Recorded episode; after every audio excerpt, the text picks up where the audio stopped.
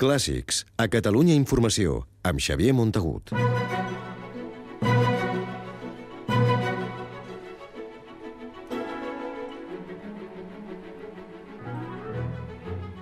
Aquesta setmana s'han complert 50 anys de la mort d'Eduard Toldrà, el màxim exponent musical del noucentisme català.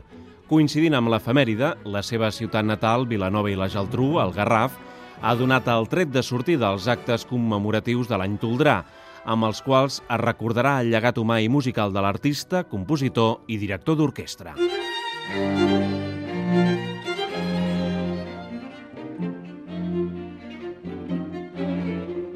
Eduard Toldrà era fill de músic. El seu pare li va ensenyar a tocar el violí de ben petit.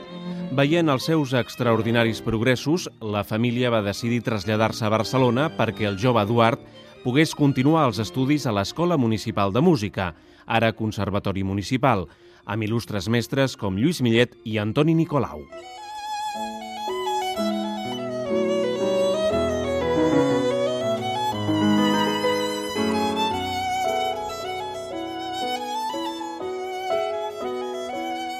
Reconegut violinista, compositor de fina i elegant sensibilitat i director vibrant i apassionat, Toldrà va ser un músic precoç.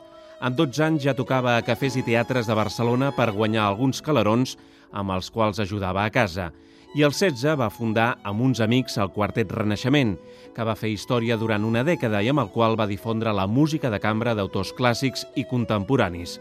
D'aquella època són les seves celebèrrimes Vistes al mar.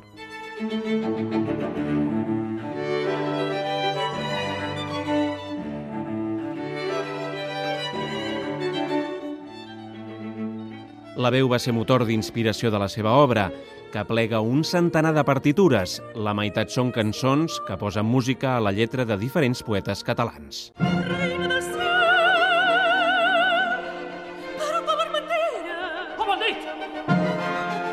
La seva obra més ambiciosa va ser l'òpera còmica El Giravolt de maig, escrita a partir d'un text de Josep Carné.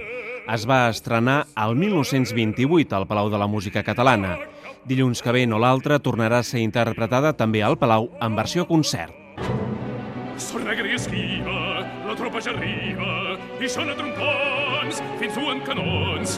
Són colla que espanta, són 30, 40, i més pel camí en deuen venir. Són 30, 40, fan fresca... La reposició del Giravolt de maig és un dels actes commemoratius de l'any Toldrà que s'allargarà fins al desembre. Durant aquest mig any s'han organitzat xerrades, exposicions i diversos concerts.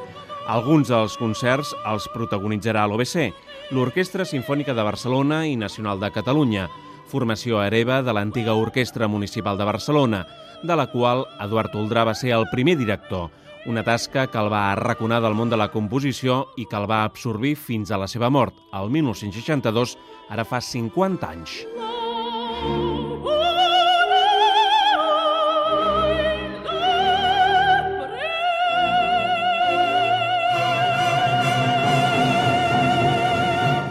Clàssics, amb Xavier Montagut.